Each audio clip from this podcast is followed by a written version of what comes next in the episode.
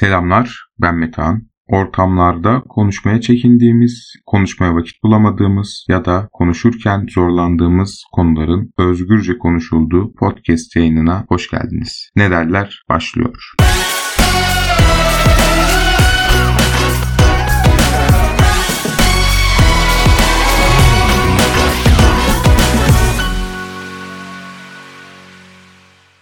Ne derlerin bu haftaki konusu rutin hayatlar. Sizleri 2020 yılı 11 Mart tarihine götürmek istiyorum. Çünkü o günden sonra, o kara günden sonra belki çoğumuzun hayatı rutinde ama o günden sonra biz bir şekilde ülkecek, daha doğrusu dünyaca bütün insanlar rutin bir hayata alışmak zorunda kaldılar. Bizim ülkemizde ilk vaka 11 Mart tarihinde açıklandı ve 15 Mart tarihinde de ilk ölüm açıklandı. O süreçten sonra hızlıca tabii önlemler alınmaya başladı. Okullar tatil edildi. Her yer temizlenmeye başlandı. İşte sokaklar pandemide dezenfektanla falan böyle ciddi ciddi belediyeler sokakları yıkadılar, temizlediler. Ondan sonra yaz geldi. Bir şekilde açıldı her taraf. Tabii ekonomik de bir yük bindiriyor pandemi.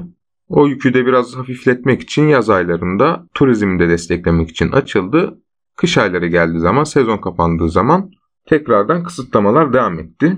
E tabi o süreçte insanlar kendinde hissetmediği, kendinde ya bunu da yapamam dediği çoğu şeyi yaptılar, öğrendiler ve farklı farklı hobiler edinmeye başladılar. Kimileri yemek yaptı, kimileri evde spor yaptı, kimileri çok kitap okudu, kimileri oyun oynadı derken yaklaşık 2 sene Tabi tam böyle iki seneyi devirmiş olacağız. Peki biz bu rutin hayata nasıl alıştık? Biz bu rutin hayata şöyle alıştık. Bir şekilde bizi eve hapsettiler. Daha doğrusu Covid eve hapsetti bizi. Ve o hapis süresince ya evden de her şey yürüyormuş düşüncesine kapıldık. İşlerimizi evden devam ettirdik, eğitimimizi evden devam ettirdik. Hayatımızda olabilecek bütün o önemli konuları fark ettik ki evden de yapabiliyormuşuz. Peki bunların bize artı ve eksileri neler? Bir kere grup çalışması dediğimiz bu eğitim hayatında da iş hayatında da bence en önemli noktalardan birisi olan çalışma türü çok eksik kaldı. Yani şöyle düşünün evde oturuyorsunuz Zoom gibi uygulamalardan hocaların size bir şeyler anlatıyor. Tanımadığınız insanlarla bazen ödevlerde grup çalışması yapıyorsunuz sadece Zoom'dan hiçbir şekilde etkileşim olmadan daha doğrusu çok kısıtlı olarak eğitim öğretim hayatını bir şekilde bitiriyorsunuz. İş hayatında da bu aynı şekilde devam etti. Bunlar çok olumsuz şeylerdi bence. Çünkü hayatımızda hiçbir anda yalnız kalarak özellikle eğitim ve iş hayatında başarılı olabilmemiz çok mümkün gibi görünmüyor. Bunu yapanlar tabii ki de vardır ama ben kendi adıma birkaç kişiyle ortaya çıkarttığımın ürünün daha sağlıklı olduğunu düşünüyorum. Bunlar tabii her şeye yansıdı. O süreçten sonra tabii dedim ya alıştık artık. Belli rutinlerimiz olmaya başladı. Sabah kalkıyoruz, kahvaltı yapıyoruz, uzaktan eğitim ya da uzaktan işlerimize bakıyoruz. Hiçbir şekilde sosyal aktivite yok derken böyle hayatımızı bir şekilde bu iki yılı sonlandırdık. Peki biz bu rutin hayattan nasıl çıkacağız? Bu rutin hayattan çıkmamız inanın hiç kolay değil. Çünkü ülkemizin ekonomik durumunda göz önünde bulundurursak insanlar bunalıma girecek derecede moralleri bozuk ve hiçbir şey yapmak istemiyorlar. Çevremde inanın mutlu insan kalmadı. Asosyal bir insan olduğum kesinlikle söylenemez. İnsanlarla birebir etkileşimde bulunmayı ve onlarla karşılıklı bilgileri paylaşmayı sevdiğim için herkesle olabildiğince konuşuyorum ve sohbet etmeye çalışıyorum. Ya inanın bana taksicisinden minibüsçüsüne, bakkalından manavına, arkadaşımdan akrabama son zamanlarda ben mutlu kimseyi görmüyorum. Herkeste bir geçim sıkıntısı, herkeste bir ümitsizlik, herkeste bir önünü görememe. Yani denizdesiniz, öyle hayal edin bir gemidesiniz ve önünüz sadece su. Hani kara görünmüyor. Ne yapacaksınız bilmiyorsunuz. E, kaptan da değilsiniz ki önünüzde bir rotanız olsun ve ona göre devam edin. Sadece orada düşünün bir çalışansınız. Ülkemizde de bu aynı şey aslında. Kaptanların nerede oldukları belli.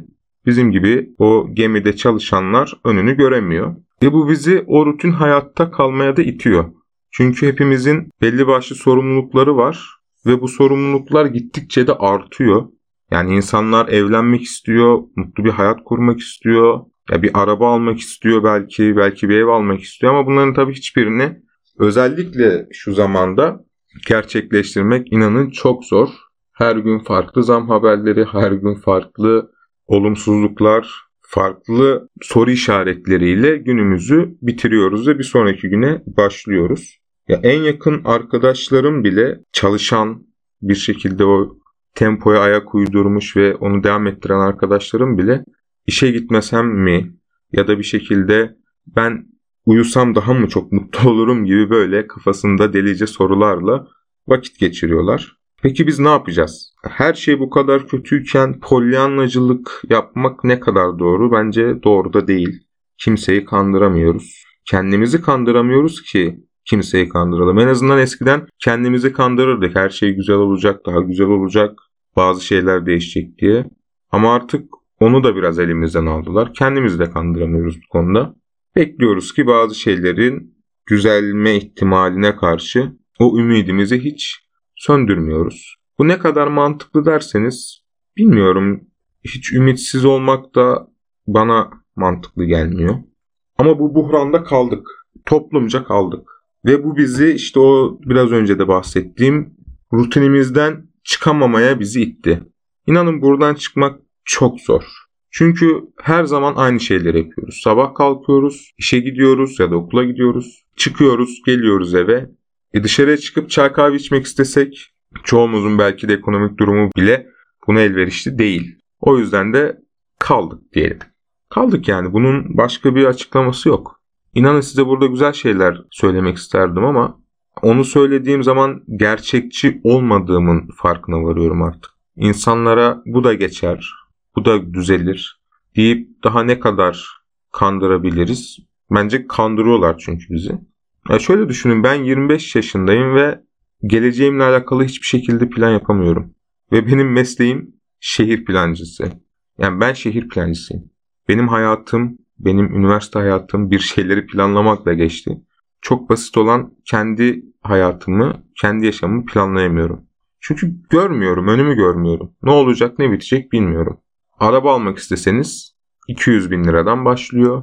Binmek isteseniz 20 liradan başlıyor yakıt. E, ev zaten hak getire. Milyonerseniz bir ev alabilirsiniz işte. Eskiden milyonerliğin de tabii bir karşılığı vardı böyle milyoner derdik insanlara. Ama artık milyoner yani ne ki? Herkes milyoner. Bir ev alıyorsun zaten 1 milyon Türk lirası. Herkes milyoner oluyor. E diyelim ki evlenmek istiyorsunuz. E inanın bana ben geziyorum. Gidiyorum bakıyorum elektronik eşyalara bakıyorum, beyaz eşyalara bakıyorum bir şekilde. Belki bir gün işime yarar diye. Ortalama standart bir evi eşyayla doldurmak istiyorsanız 150 bin liranızın olması gerekiyor. O eşyaları da koyacak en az 3-4 bin lira aylık kirası olacak bir daire bulmanız gerekiyor.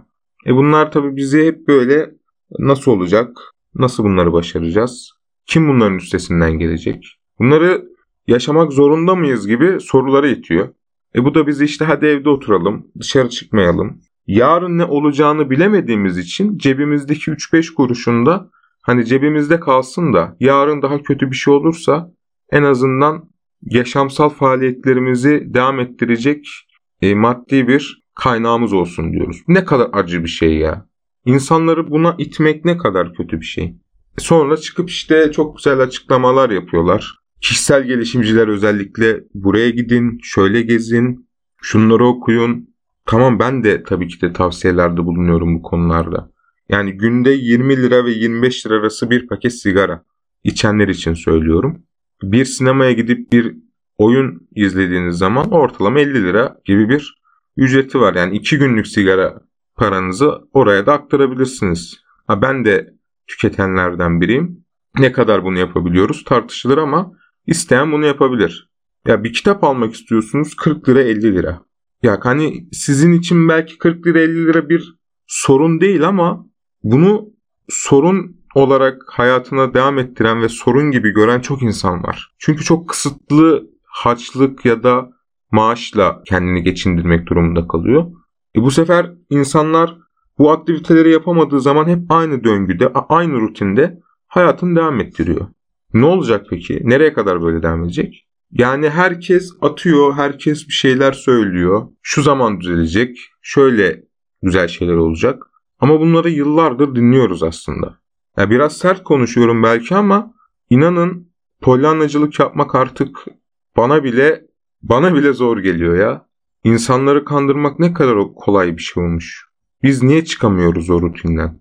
Yani bu yayını yapıyorum. Mart ayının ortalarını düşünün.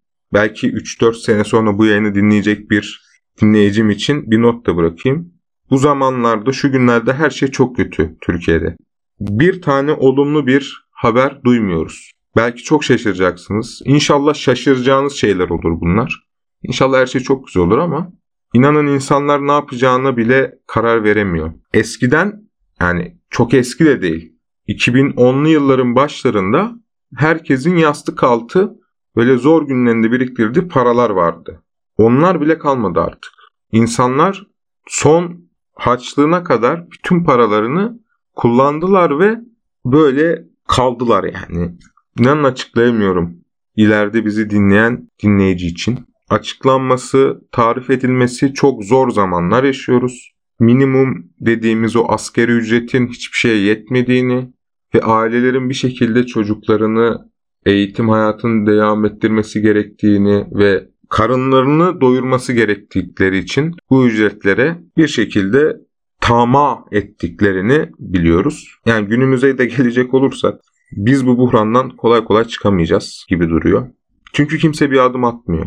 Zaten bugün bir adım atılsa 5-10 yıl sonra karşılığını alacağımızı varsayarsak yani kolay günlerin beklemediği zamanlarda bizim çıkıp da hadi şöyle yapalım bunları değiştirelim dememiz biraz mantıksız oluyor. Ha, eğer durumunuz iyiyse ve rutin yaşamdan, rutin hayatınızdan kurtulmak istiyorsanız tabii ki de birkaç tavsiye sizlere vermek istiyorum. Birincisi sosyalleşmek çok önemli. Kesinlikle sosyal hayatınızdan hiçbir şekilde fedakarlık etmeyin. Çünkü siz ne kadar dışarıya çıkarsanız o kadar farklı insanlarla tanışırsınız ve mutsuz ya da mutlu diyebileceğimiz insanların size anlattıklarıyla kendinizi geliştirebilirsiniz. Tiyatroyu kesinlikle hayatınızdan eksik etmeyin. Sinemayı aynı şekilde. Yani tiyatronun geçmişi milattan önceye dayanıyor. Binlerce yıllık devam eden bir kültür. Demek ki insanları gerçekten ortak noktada toplayabilen ve mutlu edebilen bir sanat. Kesinlikle hayatınızdan bunu çıkartmamanızı öneririm. Çok kitap okumanız lazım. Eğer çok okursanız karşılığını çok alırsınız. Ve inanın bana mutsuz olmayacaksınız kitap okuduktan sonra. Daha çok okumak isteyeceksiniz. Daha farklı şeyler okumak isteyeceksiniz. Okudukça görmek isteyeceksiniz. Okuduğunuz yerleri, o coğrafyayı, o Anadolu'yu görmek isteyeceksiniz ve bu size çok daha farklı bir yaşam enerjisi sunacak. Bu da sizi bir şekilde o rutinden çıkmanız için size fayda sağlayacak. Bir önceki yayında da bahsettiğim gibi mutlu bir çalışma, iş hayatınızın olması, sizi aslında o yapacağınız bütün sosyal aktiviteler için destekleyecek. Kesinlikle iş hayatınızı ikinci ya da üçüncü plana atmayın. Her zaman birinci planınızda olsun, birinci önceliğiniz olsun. Çünkü orada ne kadar mutlu olursanız geri kalan hayatınıza ve geri kalan yaşamınızı o kadar olumlu yönde etkiliyor. Ne kadar mutlu olursanız da o kadar olumsuz yönde etkiliyor. Yani kolay değil. İnanın sizlere güzel şeyler anlatmak çok isterim. Tabii ki de anlatacağım. Yani bunu bir ne gibi düşünün? Bunu bir içinde alevler olan ve sönmeyen bir Türkiye Cumhuriyeti vatandaşı genç olarak düşünün. Bu anlatılanların hepsinin onun sözleri olduğunu düşünün ve sorgulayın. Biz bugünleri niye yaşıyoruz? Bugünlerden kurtulmak için neler yapmalıyız? Ben size cevabını vereyim. Biz hiçbir şey yapmamalıyız. Yani biz mutlu olacak, biz rahat bir hayat yaşayacak, ekonomik ve sosyal yönden özgürlüğe kavuşmuş bir yaşam sürecek vatandaşlarız aslında. Bizi bu hayata, daha doğrusu bize bu hayatı bizim oy vererek, destekleyerek o gücü verdiğimiz insanların sunması gerekiyor. Biz başka bir şey yapmayacağız. Yani batıdaki ülkelere bakın. Herkes şunu mu düşünüyor sizce ya? Ne yapmalıyım acaba? Ülkem için ne yapmalıyım? Ülkemin rahat daha doğrusu ülkemdeki vatandaşların rahat bir hayat yaşaması için ben ne yapmalıyım? Hiçbirinin umurunda değil ya. Çünkü her şey tıkırında. Bir de gelin bize bakın. Herkes düşünüyor ya ne yapabilirim, nasıl bir destek olabilirim. O zaman biz siyasetçileri seçmeyelim oyla. Ya eğer bunları da biz yapacaksak çalışıyoruz, vergi ediyoruz, maaş alıyoruz. Sonra tekrar çalışıyoruz, vergi ediyoruz, maaş alıyoruz. Böyle bir döngüdeyiz. Zaten maaşımızın ve kazancımızın çoğu vergiye gidiyor. Ya biz olabildiğince zaten devletimize destek oluyoruz. E bir de biz mi çözüm sunalım? Ha varsa sunalım. Ama o çözümü üretmek için niye biz saçlarımızı beyazlatıyoruz? Niye döküyoruz saçlarımızı? Ya dediğim gibi o zaman herkes kendi bacağından diyelim. Herkes kendini yönetsin. Bunun bir sonu yok çünkü. Kim gelirse bir şekilde biraz toparlıyor sonra kötüye gidiyor. Tekrar toparlıyor tekrar kötüye gidiyor. E bunu çeken de Türkiye Cumhuriyeti'nin vatandaşları. Yani bu ülkede yaşayan insanların hiç mi bir gün rahatça uyumaya hakkı yok? Ya kusura bakmayın biraz da tabii konu dağıldı. Daha farklı şeyler anlatacaktık ama bu yayınlık böyle olsun. Çünkü bunlardan bahsetmezsem ileride çok pişman olacağım. Ya benim vicdanım rahat olsun. Herkesin vicdanı rahat olsun. Benim de vicdanım rahat olsun. Gerisini açıkçası çok da düşünmek istemiyorum. Yoruldum çünkü artık. Herkes gibi ben de yoruldum. Bazı şeyleri düşünmekten, değiştirmekten, çözüm üretmekten. Ya birileri de bizim için bir çözüm üretsin ve o çözüm de işe yarasın. Ne kadar zor ya. Bu ülkede hiçbir şey yokken yani ne maddi yönden ne manevi yönden her şey bitmişken bu ülkeye bir kurtarıcı geldi ve Türkiye Cumhuriyeti'ni kurdu. Ve çok basit şeyler istedi bizden. Yani dedi ki ben bu ülkeyi vatansever halkımla birlikte kurdum. Siz de bunu devam ettirin. Yöneticilere seslendi. Bu halk her zaman refah içinde yaşasın dedi. Zorluk çekmesin dedi. Ya bunu söyleyen Ulu Önder Mustafa Kemal. Peki hangi dönemde bunu uyuldu? Ha düşünün ya gerçekten 100 yıl olmadı daha ülke kurulalı. Biz bir şeylerin artmasını beklerken olumlu yönde her şey olumsuz yönde artıyor. Biz geçmişimize de sadık kalamadık ki. Geçmişte yaşadığımız olayları da aslında görmedik, duymadık, yalanmış gibi anlattık. Rutinden çıkmamız için ilk önce bazı şeylerin düzelmesi gerekiyor. İnşallah pandeminin bitmesi, ekonomik zorlukların biraz da olsa belimizi bükmemesi ve biraz rahat hayat yaşadıktan sonra hepimiz rutinimizden çıkacağız. Çok farklı şeyler yapacağız. Ben buna inanıyorum. Ümidinizi yitirmeyin. Bu kadar anlattığım şeyden sonra tabii ne kadar doğru bilmiyorum ama kendinize iyi bakın. Bir sonraki yayında görüşmek üzere.